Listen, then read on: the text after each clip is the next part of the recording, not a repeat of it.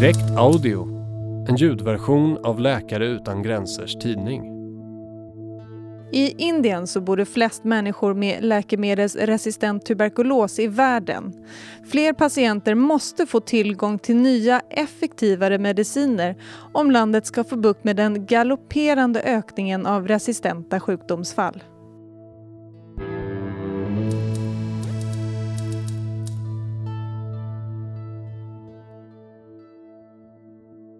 I Indien så dör en människa i tuberkulos, eller TBC, varje minut. Den sorgliga statistiken kan förklaras av fattigdom och sociala faktorer. Men också av en allt större andel nya fall av läkemedelsresistent TBC. Det är en svårare form av sjukdomen där bakterien utvecklat motståndskraft mot traditionell antibiotikabehandling. Situationen i mångmiljonstaden Mumbai med sina stora och tätbefolkade slumområden där smittor lätt sprids är särskilt problematiskt. Ett sådant område är Lullaby Compound i östra Mumbai. Genom att riva den gamla kåkstaden och ersätta den med höghus i betong ville myndigheterna skapa en drägligare boendemiljö. Men så blev det emellertid inte, snarare tvärtom. I Lullaby är byggnadernas betongväggar svarta av mögel. Husen står så tätt att varken sol eller frisk luft når ner i de små lägenheterna. Inte heller i de smala gränderna som skiljer husen från varandra. Under monsunperioden så når vattnet på bottenvåningen upp till knäna. Det är trångt, mörkt, fuktigt och myggigt. Arbetslösa människor driver runt längs gatorna och surt luktande sopor tornar upp sig ut med husfasaderna. På andra våningen i ett av de 36 husen bor Balkrishna Kamguttar. Han är 26 år gammal och bor i ett rum och kök tillsammans med sina föräldrar. Vi har gott om plats, intygar Balkrishna medan han guidar mig genom smala gränder och uppför en mörk trappa. I de allra flesta lägenheterna så trängs fler än tio personer. Balkrishna har bott i Lullaby i 12 år. Tidigare så arbetade han som kontorspojke, men sen han blev sjuk i tbc är han, liksom sin pappa, arbetslös. För familjens försörjning så svarar nu hans mamma som hemhjälp i centrala Mumbai. Balkrishna har en näsduk knuten för munnen. Själv har jag ett munskydd för att undvika smitta. Hur Balkrishna blev smittad, det vet han inte. Det kan ha varit var som helst av vem som helst. När Balkrishna började känna sig andfådd, tappade aptiten, gick ner i vikt och fick hög feber så blev han rädd. Men värst var hostan. Den slutade aldrig. Det kändes som om lungorna ville ut genom halsen, berättar han och sätter sig på sängen i den lilla lägenheten. Jag hostade blod och det gjorde så ont att jag nästan svimmade. När han först sökte vård så fick han diagnosen malaria och det tog ytterligare några månader innan det konstaterades att han hade tbc. Men inte heller med rätt behandling så blev han bättre.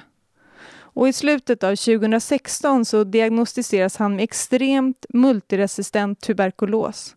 En mycket dödlig och svårbehandlad form av sjukdomen där bakterien utvecklat resistent mot flera sorters antibiotika. Trots att tbc är den infektionssjukdom som skördar flest liv i världen så investerar regeringar eller läkemedelsindustrin inte tillräckligt i forskning och utveckling när det gäller hur sjukdomen ska upptäckas och behandlas. Patienter behandlas med äldre, ineffektiva preparat vilket gör att resistenten ökar. Dessutom så kan medicinerna leda till svåra biverkningar som permanent dövhet och psykos. För fem år sedan så kom två nya mediciner. Det var de första på 50 år. Och de biter även på svåra former av läkemedelsresistent tbc. De nya preparaten har heller inte lika smärtsamma biverkningar som de äldre medicinerna. Men bara 10% av de som verkligen behöver de här nya läkemedlen har tillgång till dem. Preparaten är mycket dyra och i många av de hårdast drabbade länderna har läkemedelsbolagen inte registrerat de nya produkterna än. Men tillbaka till Indien. Här så har de nya medicinerna introducerats men användningen kringgärdas av hårda restriktioner. Rädsla för överförskrivning och ytterligare resistens anges som skäl. Ganesh Asharaya överlevde tuberkulos men det tog många år av plågsam behandling innan han blev frisk. Idag så är han aktivist i Mumbai och försöker motivera andra som insjuknat. Men han är orolig. Folk dör varje minut och ändå så vill många i Indien inte höra talas om tuberkulos, säger han. Det saknas fortfarande motivation att ta sjukdomen på allvar och de nya medicinerna de finns inte tillgängligt annat än i mycket begränsad omfattning. Enligt läkaren och lungspecialisten Sarir Udwadia är anledningen till den kraftiga ökningen av läkemedelsresistent tuberkulos i Indien en kombination av ointresse och okunskap inom vården. En tickande bomb är hans beskrivning av situationen. På grund av en otillräckligt finansierad offentlig sjukvård så söker sig många patienter med misstänkt TBC till den helt oreglerade privata sektorn trots de otaliga bevis på bristfällig diagnostisering och felbehandlingar som publiceras, säger han. För Balkrishna så kom räddningen när han hänvisades till Läkare utan gränsers klinik för kostnadsfri behandling av läkemedelsresistent TBC. Alla patienter som tas emot på kliniken har tidigare behandlats för TBC men har sedan de utvecklat resistens remitterats vidare till Läkare utan gränser. Patienterna behandlas med en kombination av de nya läkemedlen, en kombination som inte finns tillgänglig inom den offentliga sjukvården. Behoven är oändliga, men hela processen att få tag på mediciner är mycket kostsam, komplex och tidsödande för oss, konstaterar klinikchefen Pramila Singh. I väntrummet utanför kliniken så sitter patienter i olika åldrar. Alla, både patienter och personal, bär vita munskydd. Fläktar snurrar i taket och fönster står öppna för att luften ska cirkulera och därmed minska risken att smittan förs vidare.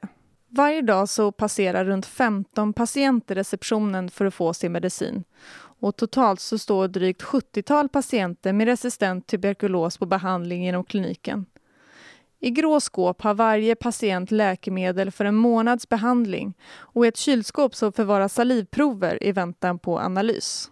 Förutom att våra patienter slipper plågsamma biverkningar så kan vi visa på goda resultat av behandlingskombinationen, säger Pramila. Genom att dela våra erfarenheter så hoppas vi kunna skynda på processen och göra den livsavgörande behandlingen allmänt tillgänglig i Indien.